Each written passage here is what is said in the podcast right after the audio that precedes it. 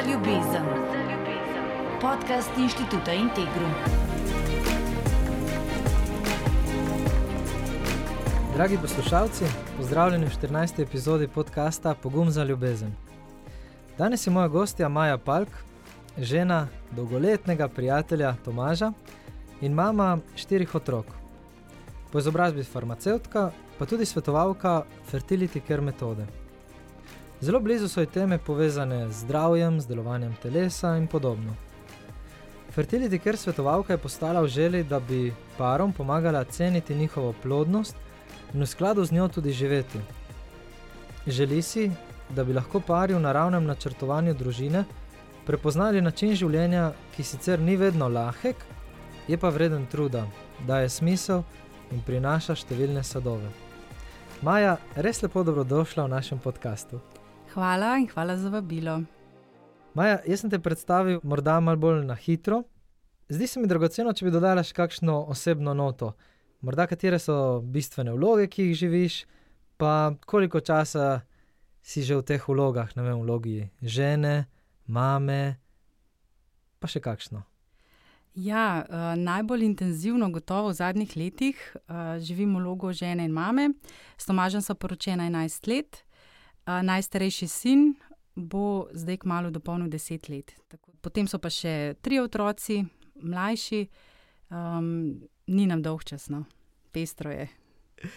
Ja, to si kar predstavljam, ja, glede na to, da imamo mi mlajše otroke, pri vas še toliko bolj verjetno pestro z vsemi dejavnostmi, pa ostalimi obveznostmi in trenutno Ja. situacijo. Maja, morda bi lahko opisala, kaj je bilo tisto, kar te je vodilo na to pot svetovalke fertility care metode, ali kakšna izkušnja, dogodek, je bila kakšna misel, kakšna oseba, lastno iskanje izzivi. Pravzaprav so me teme povezane s telesom, kako deluje in tako naprej, zanimajo že zelo dolgo, uh, že od srednje šole, če ne prej. In potem sem se tudi odločila za študij farmacije, kjer so me zanimivo zanimale predvsem tiste teme, oziroma tisti predmeti, ki smo jih imeli na medicini. Uh, manj kot recimo te kemijske in to. Potem, po koncu študija, ko sva se s Tomažem pripravljala na poroko, sva pa šla na tečaj uh, naravnega načrtovanja družine po metodi uh, Sensiplan še takrat, ker Fertility Care niti še ni bilo v Sloveniji. Potem pa kasneje, ko uh, je Fertility Care prišel v Slovenijo, sva se pa odločila tudi za ta tečaj, predvsem iz razloga, ker sem imela s svojim ciklusom določene izzive in sem želela pač priti zadevi do dna. No, in potem skozi ta tečaj, pa potem, ko sem razmišljala, v bistvu, kaj je moje poslanstvo, oziroma kje je moje mesto v tem profesionalnem smislu, kaj lahko tukaj naredim ali pa dam, ne, sem ugotovila, da mi to delo, tako po vsebini, ne, ker se tiče telesa, kot tudi uh, po načinu, ne, ker gre za uh, delo s pari ena na ena, zelo ustreza. ne. In ko sem se takrat spraševala o tem, še bolj pa zdaj prihajam do tega, da je vprašanje načrtovanja družine pomembno, oziroma se mi zdi pomembno zato, ker se z njim sreča prej ali slej vsak par, pa tudi zato, ker se dotika začetka življenja, ki je najbolj ranljiv del življenja. In pa seveda dotika se odnosa, ki ga imata mož in žena ali pa fant in dekle med sabo, in seveda spolnosti, ki je pa tudi ena zelo intimna tema v odnosu. Ko sem te poslušal, se mi je postavilo vprašanje, te nikoli ni miklo, da bi šla medicino študirati? O, ja, me je. Samo, uh, ko sem razmišljala o tem in kako bi se odzvala na, ne, ne vem, na pogled na kri in tako naprej, je kmal padal to, uh, ne vem, v vodo, oziroma sem se odločila, da to ne bo šlo. Uh, je pa res, da bi mi mogoče zdaj, ko nazaj gledam, ne, uh, kdaj to tudi uh, prav prišlo, ne, da bi bila uh, pač zdravnica. Ampak tudi to, no, da sem farmacevtka, je. Se mi zdi super. Tudi mm. na tem študiju sem dobila veliko enega pogleda v delovanje telesa in tako naprej. Ja, zagotovo. Pa tudi verjetno zdaj imaš še vedno kakšne posodabljanja oziroma dodatne literaturo, stvari, ki jih bereš, ki, ki te zanimajo, verjetno, ki te pritegnejo na nova spoznanja. Gotovo, gotovo. Uh, zdaj, v zadnjem času, mogoče malo krajše stvari, uh, ker pač ni toliko časa, mogoče kakšni članki in podobno. Ne. Pa predvsem uh, z področja prav um, fertility care oziroma naravnega načrtovanja družine, mogoče še bolj uh, na tem področju. No. Maja je tudi najna svetovalka z mojco, so se učila uporabljati metode, tako da smo iskreno hvaležna. Je tudi imela veliko vlogo pri um, ja, najnem odnosu, nasplošno tudi do spolnosti. Tako da zelo priporočam iz osebnih izkušenj tudi. Ampak nasplošno bi te vprašal, kaj pa obsega v bistvu, ko si fertility care svetovalka, kaj si poslušalci lahko predstavljajo pod tem pojmom v bistvu. Najprej mogoče bi povedala, kaj fertility care sploh je, samo par besed, uh -huh. da si sploh predstavljamo, o čem točno govorimo. Gre torej za metodo naravnega načrtovanja družine, kot sva že omenila. To je metoda, ki jo par lahko uporablja po eni strani uh, za zanositev, če želi zanositi, po drugi strani pa za izogibanje zanositvi, če ne želi zanositi. Ne? Temelji na opazovanju konkretno uh, nožničnih izcetkov, predvsem sluzi materničnega vratu, in na podlagi tega par določi plodne in neplodne dneve, in se potem, glede na to, ali želi zanositi ali ne, odloči, ali bo na posamezen dan imel spolni odnos ali ne. Metoda je v bistvu zelo zanesljiva. Ne? Njena uporabna zanesljivost je 96,8 odstotna, eh, če govorimo o odlaganju nosečnosti, ne? ko se torej metoda uporablja z namenom, da par ne bi zanosil, kar je primerljivo recimo s hormonsko kontracepcijo, naprimer s hormonskimi tabletami. Po drugi strani je pa fertility care v kombinaciji z napro zdravljenjem se pravi tisti, ki se zdravijo recimo zaradi neplodnosti in podobno, ne, tudi precej uspešen.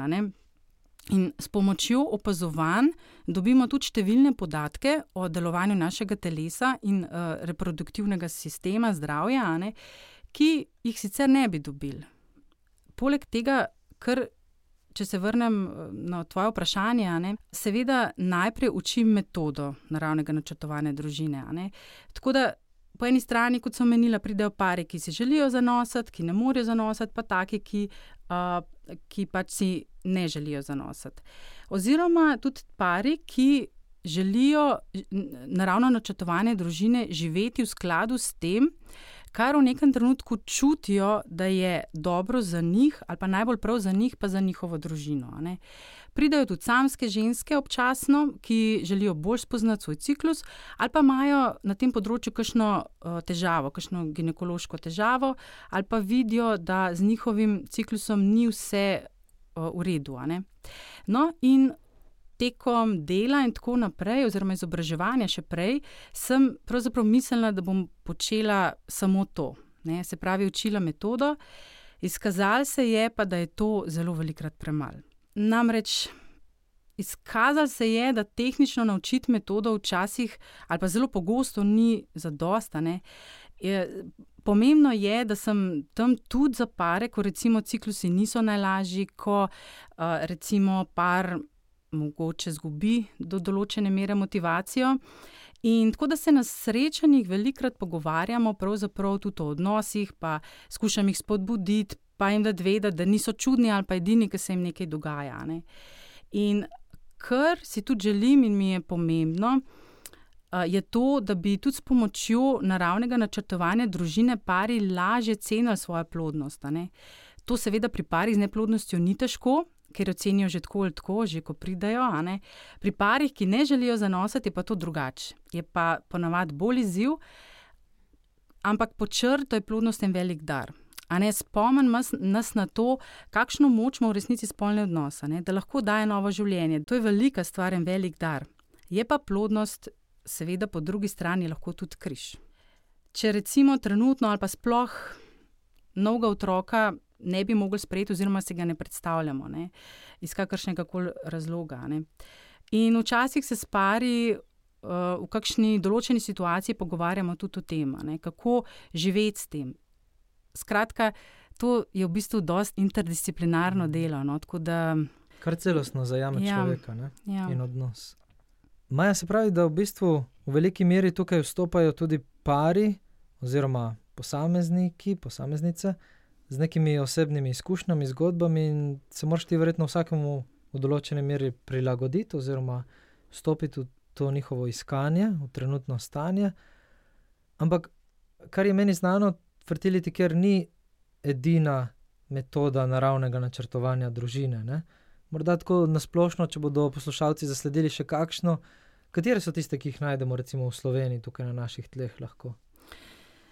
Ja, v Sloveniji so na voljo v bistvu štiri take zelo zanesljive metode, a ne, Sensiplan sem že omenila, poleg seveda fertility care, potem, sta pa še Billingsova metoda in pa neofertility.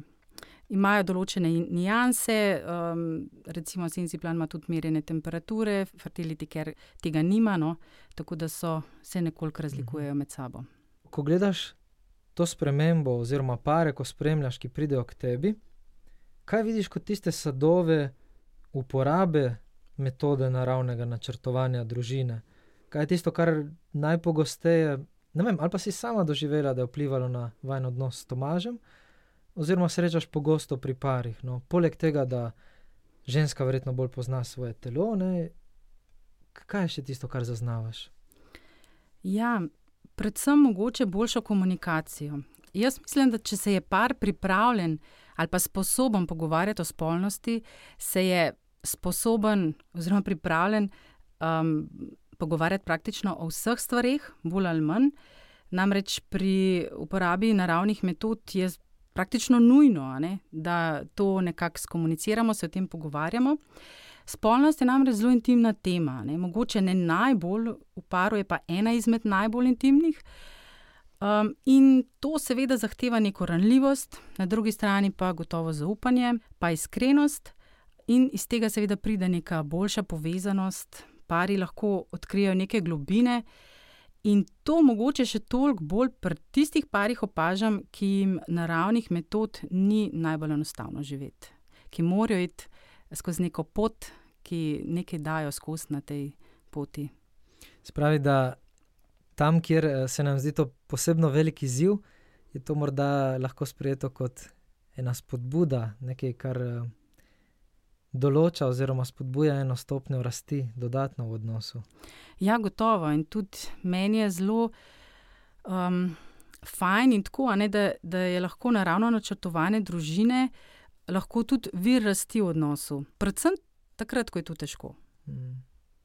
Saj iz teh stvari rastemo, ne. Iz težjih.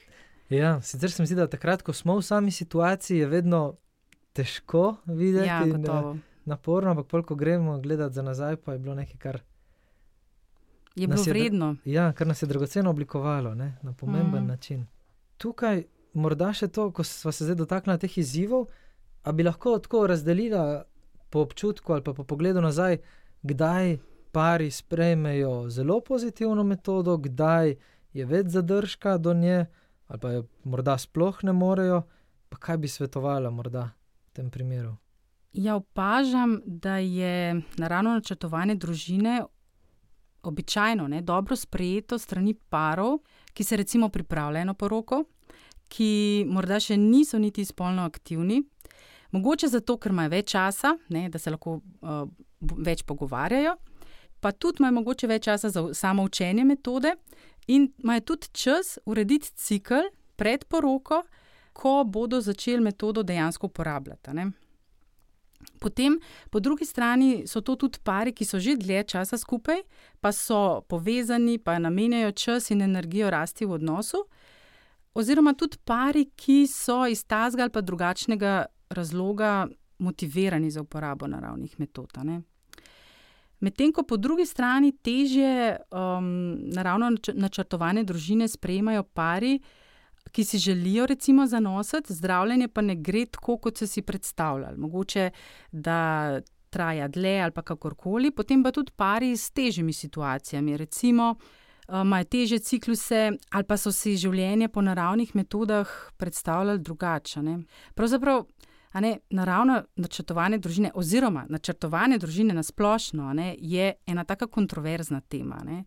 Ker po eni strani si največkrat želimo imeti precejšen ali pa celo popoln nadzor nad tem, koliko otrok bomo imeli in kdaj. to je na en način čist logično. In tako mi je zanimivo. Ne? Plodnost je verjetno edini sistem v telesu, za katerega si želimo, vsaj v določenem obdobju, da ne bi deloval. Ne? Seveda to ne velja za pare z neplodnostjo, govorim, če ne želimo zanosati. Ne? No, ampak po drugi strani ne, pa je dejstvo, da se družine ne da stoprocentno načrtovati. Nobena metoda namreč ne zagotavlja ne umetna oploditev na eni strani, ne kontracepcija, vsaj te najbolj uporabljene vrste, ne na drugi strani, in niti naravno načrtovane družine, v bistvu na obeh straneh, ne, da bomo otroka imeli ali pa da ga ne bomo imeli, oziroma da ne bomo zanosili. No, seveda, razen popolne vzdržnosti, kar pa niti ni namen uh, uporabe teh metod. Pa še težko je štemo med kontracepcijo ali pa ja, karkoli drugega. seveda, seveda. Ampak v bistvu je tako, ne? v nekaterih obdobjih je to dejstvo, da družine ne moremo v polnosti načrtovati, ne? relativno enostavno sprejeti. Recimo takrat, ko par še namerava imeti otroke, ne? Mogoče ne v tem trenutku, ampak enkrat v prihodnosti, v drugih je pa težje. Naprimer, par, ki je že v nekem čist drugem obdobju, mogoče predmenopavzalnem in tako naprej. Pravzaprav to opažam, to različno sprejemanje tudi pri sebi. In zato ne, se tukaj pojavljajo tudi stiske. Logične so nam tiste stiske parov, ki ne morejo imeti otroka. Te, za te vemo, velikrat smo za njih ali že slišali ali kar koli. Premalo se pa govori o tistih stiskah, tistih parov, no, ki iz različnih razlogov otrok trenutno ali pa sploh ne bi več imela. Ne. In tukaj bi rekla, da je lažje vernim parom, ki vidijo božje delovanje v svojem življenju tudi na področju spolnosti in plodnosti. Čeprav tudi taki pari niso ali pa nismo obvarovani teh stisk in razmišljanj, je pa iskanje odgovorov oziroma pot pri vernih parih vsem lažja. Se pravi, nobena metoda ni stoprocentna, tudi naravno načrtovanje družine, ne, je pa mogoče optimalna, sploh če pomislimo na alternative, ki jih imamo. Ne. In še to bi rekla, da vsaka metoda naravnega načrtovanja družine mogoče ni za vsega, mogoče komu ustreza merjene temperature, drugmu pa ne. Ali pa ena ženska se bo čist zgubila v nat zelo natančnem opazovanju sluzi, drugi bo pa to popolnoma enostavno. Ne. Smo si različni in fajn je poiskati metodo, ki nam bo čim bolj ustrezala. Um, in, kot so omenila, nekaj izbire tudi v Sloveniji je. Zelo dragoceno se mi zdi, da si odprla ta področja, velika področja. Vsaj jaz imam tako občutek, po eni strani tega hormonskega pogleda, oziroma uravnavanja prek kontracepcije uh, rojstev, po drugi strani pa teh stisk, ker se mi zdi, da tudi znotraj verujočih je veliko krat. Uh, precej obsojanja, se mi zdi, kazanja s prstom na nekoga in premalo truda razumevanja stiske po eni strani, po drugi strani pa premalo poznavanja v bistvu tega, kar obstaja, kar je možno. Tukaj se mi zdi, da prav s pogovorom, s širjenjem informacij, pa tudi večanjem števila oseb, ki poznajo metodo, da se to, vsaj upam, no, počasi detabuizira. Uh, gotovo, ja. Se mi zdi pomembno ne samo, se pravi, osveščati o tem, da metode uh, naravnega načrtovanja družine obstajajo, ampak tudi tistim parom, ki metode že poznajo, ne, oziroma vejo za njih, jim dati um, ali pa. Pomagati poiskati odgovor na vprašanje, zakaj bi to živela, ali je to vredno, ali um, je to zanesljivo, um, predvsem pa, kaj bomo mi imeli od tega. To so, se mi zdi, ključna vprašanja, ki v bistvu delajo tisto razliko med tem, ali bo par to živel ali pa zmogel živeti, ali pa ne. V bistvu najprej se je potrebno odgovoriti na ta vprašanja, ne, ki so ja. temeljna, da potem skozi proces in vse izzive, verjetno potem sploh zmore pariti. Ja. Ja. Kaj pa tukaj, da bi se malo ustavila, povedala ta odnos ali pa predstavlja v bistvu kontraceptivne oziroma metode kontracepcije, ki so običajno najpogosteje uporabljene, pa morda kakšne posledice, pa primerjavo, ker um, včasih se mi zdi tudi naravno metodo zelo hitro, naravne metode zelo hitro utaknemo v en predalček. Ja, najpogostejše, uh, kakšne med nezanesljive kontraceptivne metode. Ne? Ja, res je. Um, eno tako splošno prepričanje je prisotno in tudi marsikateri zdravnik, tudi ginekolog, uh, žal tako misel v bistvu. Fertility care konkretno ne, je metoda stara zdaj že več kot 40 let in v tem času je tudi doživela nek razvoj. In zato lahko danes ne, govorimo o tako visoki zanesljivosti. V bistvu to, da je uh, nekako sprejeto razmišljanje, da um, naravne metode niso zanesljive, izhaja iz tega, uh, da iz teh v bistvu starih, nezanesljivih metod. Ne, to so naprimer metode kot naprimer koledarska metoda in temelijo samo na štetju dni ciklusa. In na podlagi teh dni ciklusa se predvidi potem naslednji ciklus. Ne upošteva se nobenih bioloških znakov, ki jih daje naše telo in napoveduje plodnost.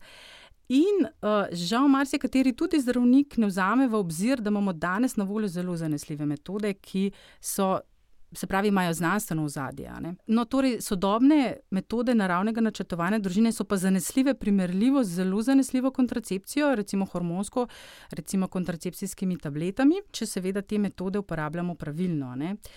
In če govorimo o uh, izogibanju zanositvi, po drugi strani pa za fertility care lahko rečem, da uh, je precej zanesljiv v kombinaciji z naprotehnologijo, ne, s tem zdravljenjem eh, neplodnosti in drugih ginekoloških stanj, tudi pri parih, ki ne morejo zanositi. Ne.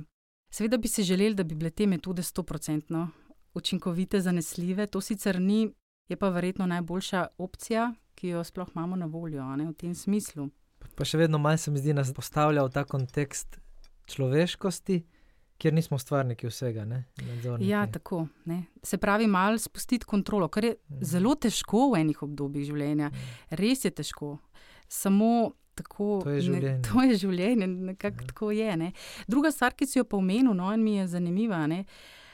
Da se naravne metode tretira kot kontracepcijo. Ne? Nekateri jo imenujejo tudi naravna kontracepcija, kar pa seveda ni točno. Že če pogledamo to, da lahko z isto metodo zanosimo, ali pa se izognemo zanositvi, vidimo, da to ne more biti kontracepcija kot taka. Ne.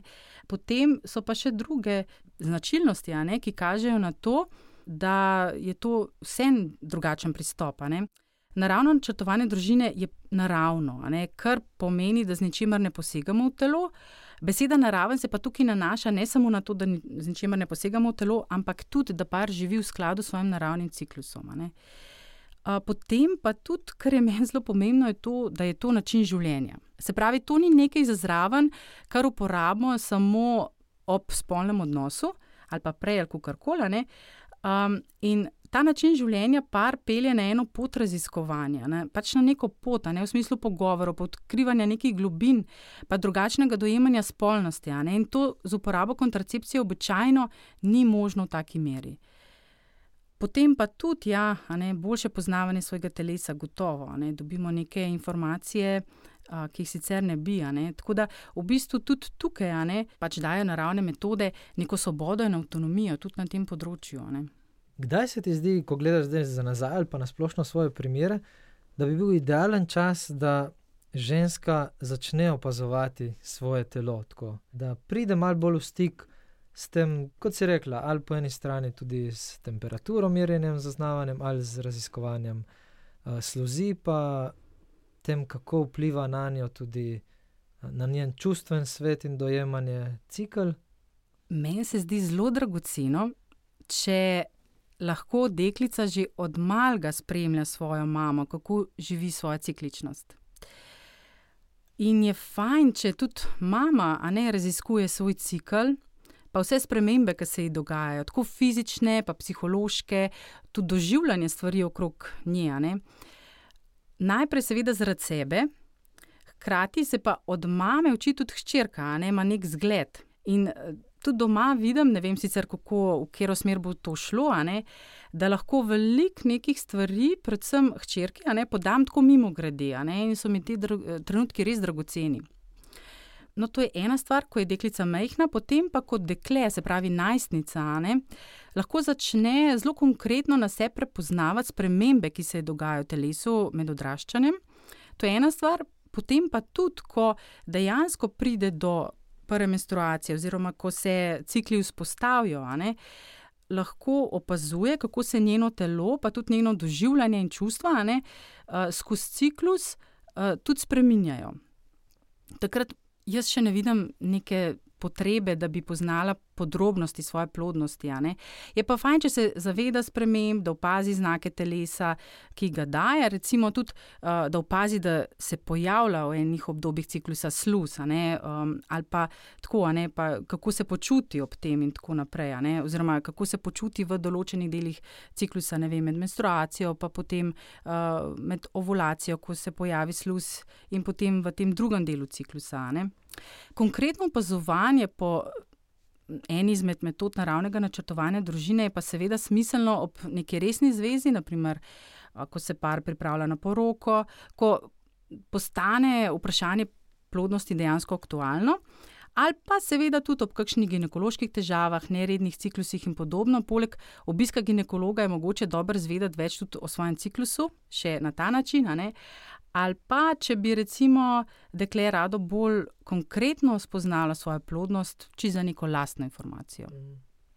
Spravi, če sem prav razumel, to spremljanje spreminjanja telesa in cikličnosti je fajn, podobno kot smo takrat, ko smo raziskovali, kako spolna vzgoja poteka, tudi na tem področju v bistvu naravno, ampak že od malega naprej počasi, da je to del življenja.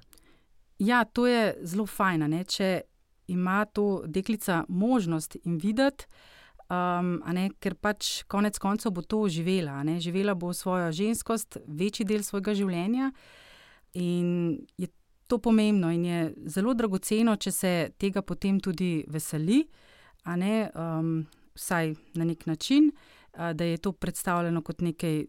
Običajnega, nekaj pozitivnega, nekaj naravnega, no? da tako je. Pa morda, ker se spomnim, da si imela tudi delavnice za kakšne najstnice, morda še vprašanje, ali pa iz tvoje izkušnje, katero področje je deklici, ki začne doživljati te spremembe, tako na telesnem nivoju, kot tudi na čustvenem nivoju, težje sprejeti običajno, oziroma kje so kakšni večji izzivi, ker si predstavljam, se v bistvu ne vem, ampak da prihaja tudi do potem do večjih nekih čustvenih nihanj ali pa doživljanj nekih odnosov, vlastnih sprememb na drugem nivoju kot prej. Ja, gotovo. Um, deklice običajno so pripravljene do ene mere, vsaj ponavadi dan danes vedo, ne, kaj je menstruacija, kaj približno se dogaja v ciklusu. Seveda pa se ne da čustveno pripraviti ne, na velike spremembe, kot se nas da čustveno pripraviti na starševstvo. Recimo, um, in je tako, se mi zdi dober in fajn takrat biti ob uh, punci, in potem odvisen. Kaj rabi v tistem trenutku? Ne? Mogoče ne bo hotela komunicirati, ne? mogoče pa ja, pa da je tudi mogoče uh, posebej mama ali pa kakšna druga oseba, predvsem ženska, ne? ki je blizu, da ji da vedeti, da je na razpolago. Zdaj pa kako se bo ta dekalca odzvala, odvisno. Ne. So pa gotovo že te telesne spremembe velike. Prva menstruacija je res velika stvar. Dogaja se nekaj, kar se ti ni nikoli. In kako boš to sprejel? A boš to kot nekaj pozitivnega, ne? kot so pregovorila, ali bo to zdaj nekaj, kaj mi je pa tega treba. Se mi zdi, to je pa ena stvar, ki. Jo imamo še malo kot zapuščino prejšnje generacije, ne? pa je fajn, če jih ozavestimo, pa da jih probamo tudi mi, ženske, odrasle, uh, malo tako predelati, oziroma jih ovrednotiti, kaj so pomenile takrat, pa kaj pomenijo zdaj, in potem predati neke prave informacije tudi svojim črkam. Spravi, je spodbuda tudi za nas, starše, predvsem za mame, da to področje poskusimo na pozitiven način, pa kot nekaj zelo življenskega, prenesti hčerkam, oziroma tudi jih pripraviti na, na, ja, na spremembe. Pa Pred, biti kot opora potem, ja, si rekla. Predvsem skozi življenje, ne skozi pač. Odraščanje punce, oziroma že odkar je mehna, ne? najprej skozi njeno telo, uh, poimenovati dele telesa, in tako naprej, pa potem tudi, ne vem, zdaj različne so prakse po družinah, ampak pri nas je bilo tako, da, je, da so recimo otroci tam do enega četrtega, petega leta hodili z mano na VC, ne potem ne več, ampak prej pa so. In potem je hčerka, recimo, opazila, da jaz nekaj počnem tam, ne? da se recimo opazujem, kaj pa zdaj delaš, pa sem ji potem začela razlagati. Aha, a imam jaz tudi sluz. In sem ji razložila, da ne, pa da jo bom imela nekoč in tako naprej. V glavnem, za eno tako zelo naravno stvar, ne? seveda, ko so otroci večji, potem nekako se mi zdi naravno, da ne hodijo več z nami na stranišče. Ampak, ko so mehni, pa mogoče je to za izkoristiti tudi v tem smislu. Pa tudi verjetno so pol kasneje pripravljeni o teh temah vprašati starše, ker so se z njimi že pogovarjali o tem. Ne? Ni to tabu tema. Oziroma... Ja, ker je to nekaj čist naravnega, ker je to nekaj čist življenskega. Je ful dobro. A bi lahko na kratko tudi orisala prav ta čustven vidik, kako pri ženski v bistvu skozi cikel, običajno, no, se si predstavljam tudi tukaj, da je, so lahko velike razlike, ampak običajno to nihanje, spreminjanje čustvenih stanj, a lahko kakšno tako, bolj kot spodbudo, pa za boljše razumevanje samih sebe podamo tudi ženskam, puncam, dekletom. Hormoni v ciklusu nihajo in to precej. Če pogledamo že uh, hormona jajčnikov, to sta estradiol in progesteron vidimo, ne, da recimo estrogen je na začetku ciklusa zelo nizek, uh, potem pa narašča uh, in začne potem strmo padati tik pred ovulacijo. Uh, potem pa po ovulaciji pa spet začne naraščati, ampak ne več v taki meri, kot je bil pred ovulacijo. Medtem ko progesteron pa je za njega značilno, ne, da ga pred ovulacijo praktično ni. Potem pa začne ob ovulaciji zelo močno naraščati, pa vrh doseže tam nekje recimo en teden po ovulaciji, malo različno od ženske do ženske, potem pa pade spet skoraj na nič. In ker imata estradiol in progesteron številne vplive, ne samo na maternico oziroma reproduktivne organe, ampak tudi na številna druga tkiva in sisteme, recimo recimo estradiol vpliva na kosti, kožo, srčno-žilni sistem, spomin, dela nas bolj budne, recimo progesteron, nas pa bolj pomirja, pa na imunski sistem deluje, pa tudi na kosti. Se pravi, na eni strani vpliva na ta telesni del, ne, pa ne samo na, na reproduktivne organe, na drugi strani pa vpliva tudi, seveda, na čustva. Ne, zaradi vseh teh učinkov, ki jih imata, ne, vplivata tudi na doživljanje sebe. Recimo, estradiola ne, vpliva na izločanje serotonina. Medtem ko progesteron pa dopamina, ne, kar v splošnem pomeni, ne, če tako poenostavim, da se bolj počutimo, ko sta estradiol in progesteron ne, visoka. In obratno, slabše se počutimo, če tako poenostavim, ko sta pač nizka. Oziroma se drugače počutimo, pa drugače doživljamo. Ne? In zato se tudi naše potrebe skozi ciklus spreminjajo. Kar bi tukaj še rekla, da ni pri vseh ženskah enako, ne? nekatere bodo te spremembe zelo močno doživljale, druge pa komaj opazile, in niti ni enako pri isti ženski v različnih ciklusih. A, ampak ja. je dosti pogosto to, da ne vem med menstruacijo, oziroma v tistih dneh, je ženska bolj uh, utrujena, oziroma umirjena. Ja, gre bolj vase, recimo, če govorimo o nekih čustvih, pa rab um, tako čas za razmislek, takrat ni čas za neke akcije. akcije, pa uresničevanje nekih načrtov, ampak je takrat čas za delanje tudi listkov. Uh mhm. -huh. Se pravi, da bo napisala, kaj bo naredila v času, ko, ko bo imela več energije za kakšne stvari. Recimo. In obratno, v času recimo, pred ovulacijo, ne, pa tam okrog, um, je pa čas za akcijo. Pa je ponavadi tudi bolj družabna, in tako naprej. In potem, ko gre spet proti menstruaciji, se vedno bolj vase umikano. Lahko bi to ponazorili tudi s štirimi letnimi časi. To je en tak lep mhm. primer. Uh, zima kot menstruacija, pa potem pomlad um, pred ovulacijo potem tik po ovulaciji poletja, ne, ko je vse nekako zori, in jesen na začetku še zori, ne, ko je progesteron še visok, potem pa pade. Ne, in takrat se potem tudi narava in tudi ženske pripravljamo na, kako bi rekla, kompostiranje. Pravijo, Pripravo na zimo. Ne? Tako. Ej, ful, ful lepa ponazoritev, se mi zdi tudi tako slikovita, pa jasna, da, da da nekaj vedeti.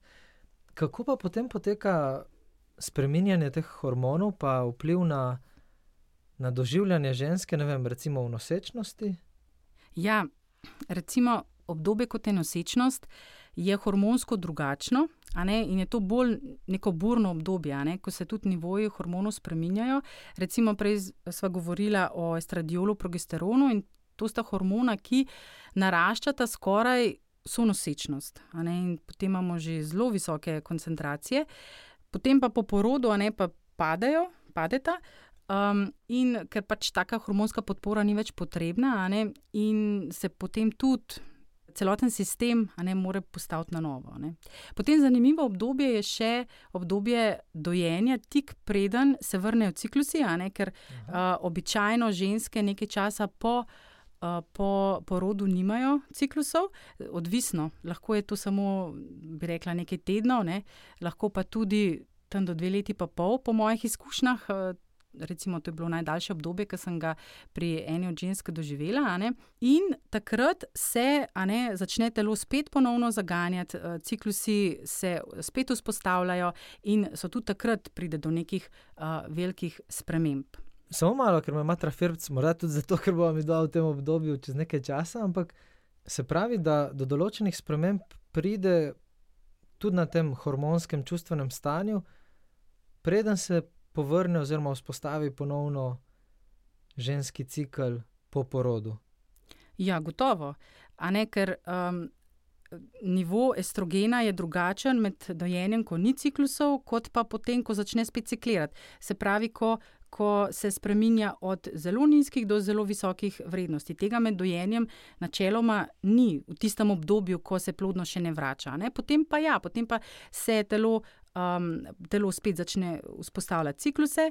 Uh, je pa res, ne, da do prve ovulacije po porodu ne pride nujno že pred prvo menstruacijo. Ampak se to, to obdobje lahko nekaj časa traja, lahko traja nekaj ciklusov, da se hormoni toliko uredijo, da, uh, da pride dejansko potem tudi do ovulacije. Ne? Kljub temu, da menstruacija je, ni nujno, da je to posledica ovulacije.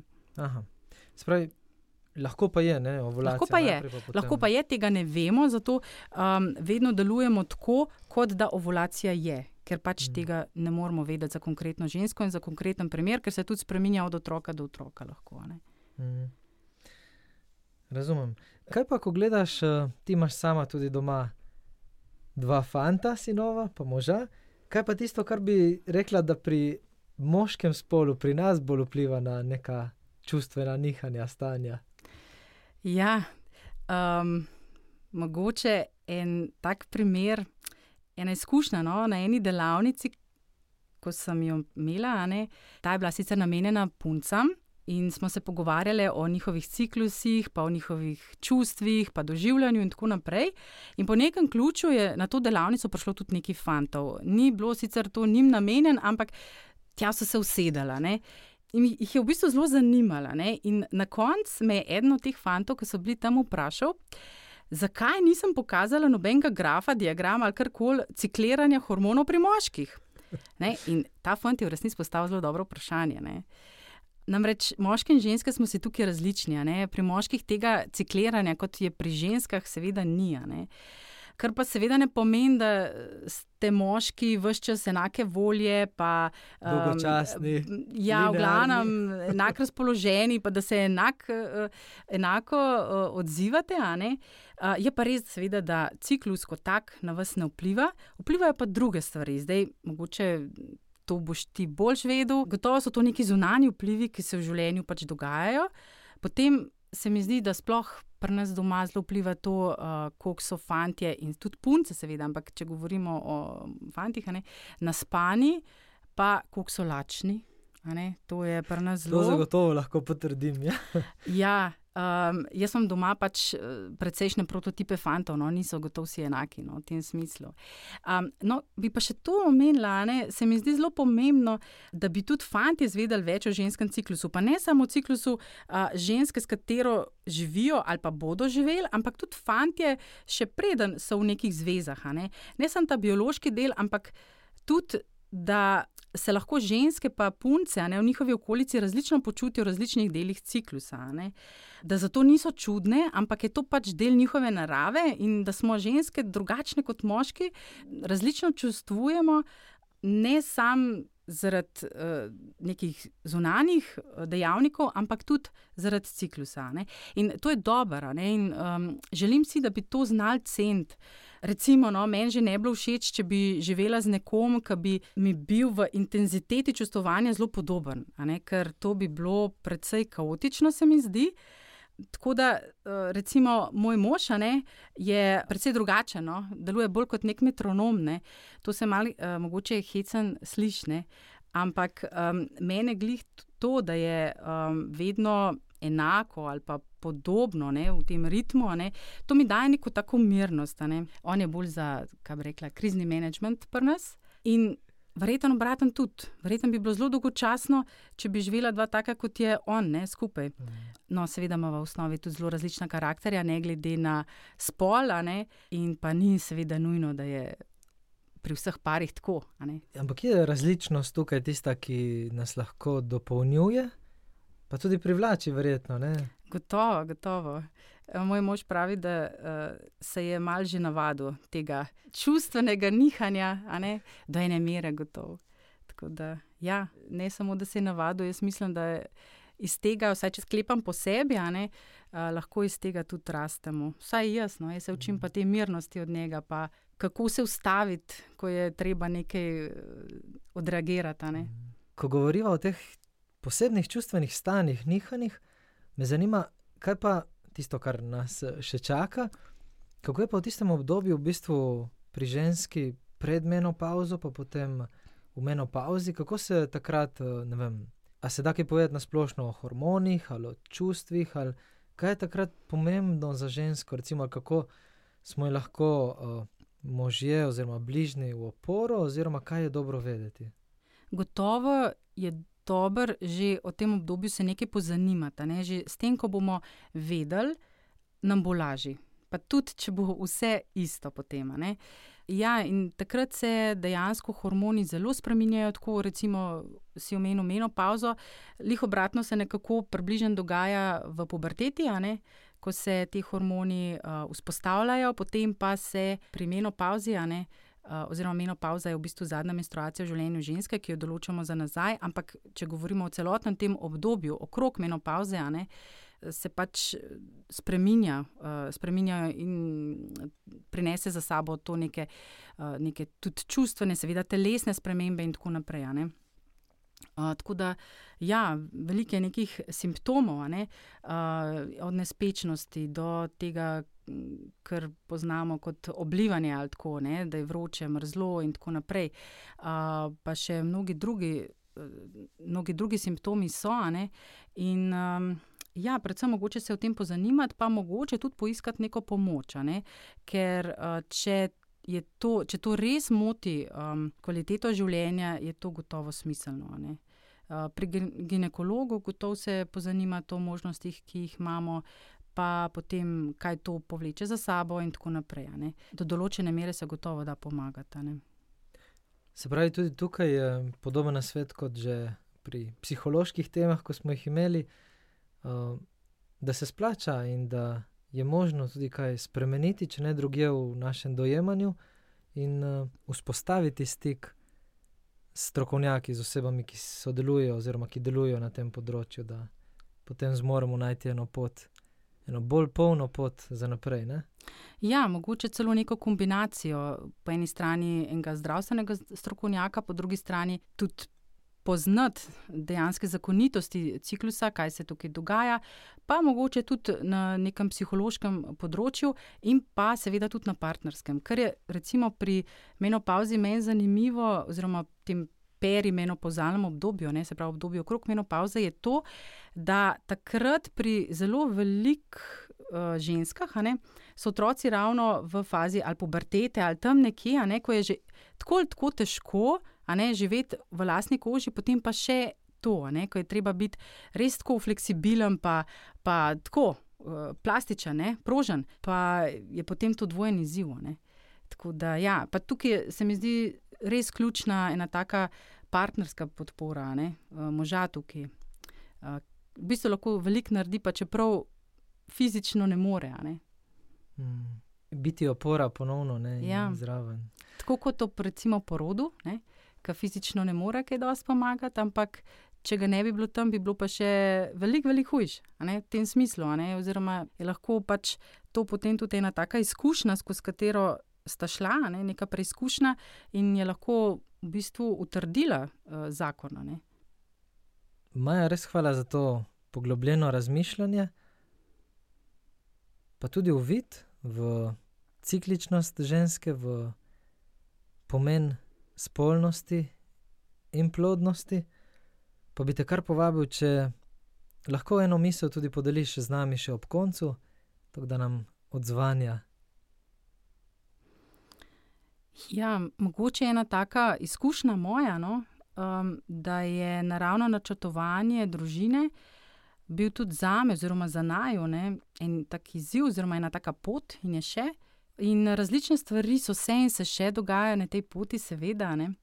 Po črto bi pa rekla, da je vredno. No? Tako, um, pravi ena taka beseda, ki bi jo uporabljala. Tako kot naprimer, je vredno biti mama, čeprav ni vedno enostavno, ni vedno lahko. E, kdo je starš, si to čisto enostavno predstavlja. Velikrat sem utrujena, pa se tudi jezim, in tako naprej. Ampak tiste lepe stvari, recimo bogatstvo odnosov, pa daleč od teh tajo tiste bolj zahtevne trenutke ali pa celo obdobja. Ne? In nikoli ne bi zamenjala, in podoben je tukaj. Se pravi, naravno čutovanje družine ni idealno, mislim pa, da je najboljš, kar v tem trenutku imamo in je tudi zato ne, vredno truda, ne, ker se mi zdi, da tiste stvari v življenju, ki kaj štejejo, niso enostavne, so pa vredne. Ne, in jaz se tudi trudim pri sebi spremenjati razmišljanje iz tega, tako nasplošno, ne, ali je nekaj enostavno ali ne, v to, ali je vredno. Ne. In vsaj za me, oziroma za najo, je tak način življenja vreden svojega truda. Hvala. In upam in verjamem, da so tudi ti trenutki, vsaj za me, vem, da so bili vredni, ter da bomo tudi sami stopili na tej poti razločevanja, prosto mislijo, kaj je tisto, kar nas bolj polni, kar nas bolj opogumlja za ljubezen, kar nam na tej poti daje neko smer. Maja, najlepša hvala, da si se odzvala v Bilu, da si nam poglobila razumevanje, pa še da pomagaš osebam, ki iščejo odgovore na ta vprašanja, tudi v vsakdanjem življenju. Naj si bo v različnih starostnih obdobjih, pri različnih izzivih, tako na eni strani kot na drugi, v izogib ali v želji po zanositvi. Pa verjamem, da bo še marsikaj modrega in spodbujajočega prišlo tudi od tebe do naših, do naših poslušalcev. Če ne drugega, sem se spomnil, da so te tudi imeli priložnost že poslušati na seminarju. Um, tako da morda ob tej priložnosti učitelji lahko pogledate v Katis, tudi letos novembra bo en seminar o digitalnih omrežjih, o tehnologiji, pa o, o spolnosti, o spolni vzgoji. Sicer pa vas res povabim, če imate dodatna vprašanja, nas lahko tudi kontaktirate. Maja deluje tudi pri nas eh, kot članica strokovnega sveta, tako da pomaga s svojo modrostjo tudi Karmarit Institut Integrum in zato smo ji zelo hvaležni. Maja, najlepša hvala, res. Hvala tudi tebi, z veseljem sem prišla in vse dobro. Nasvidenje.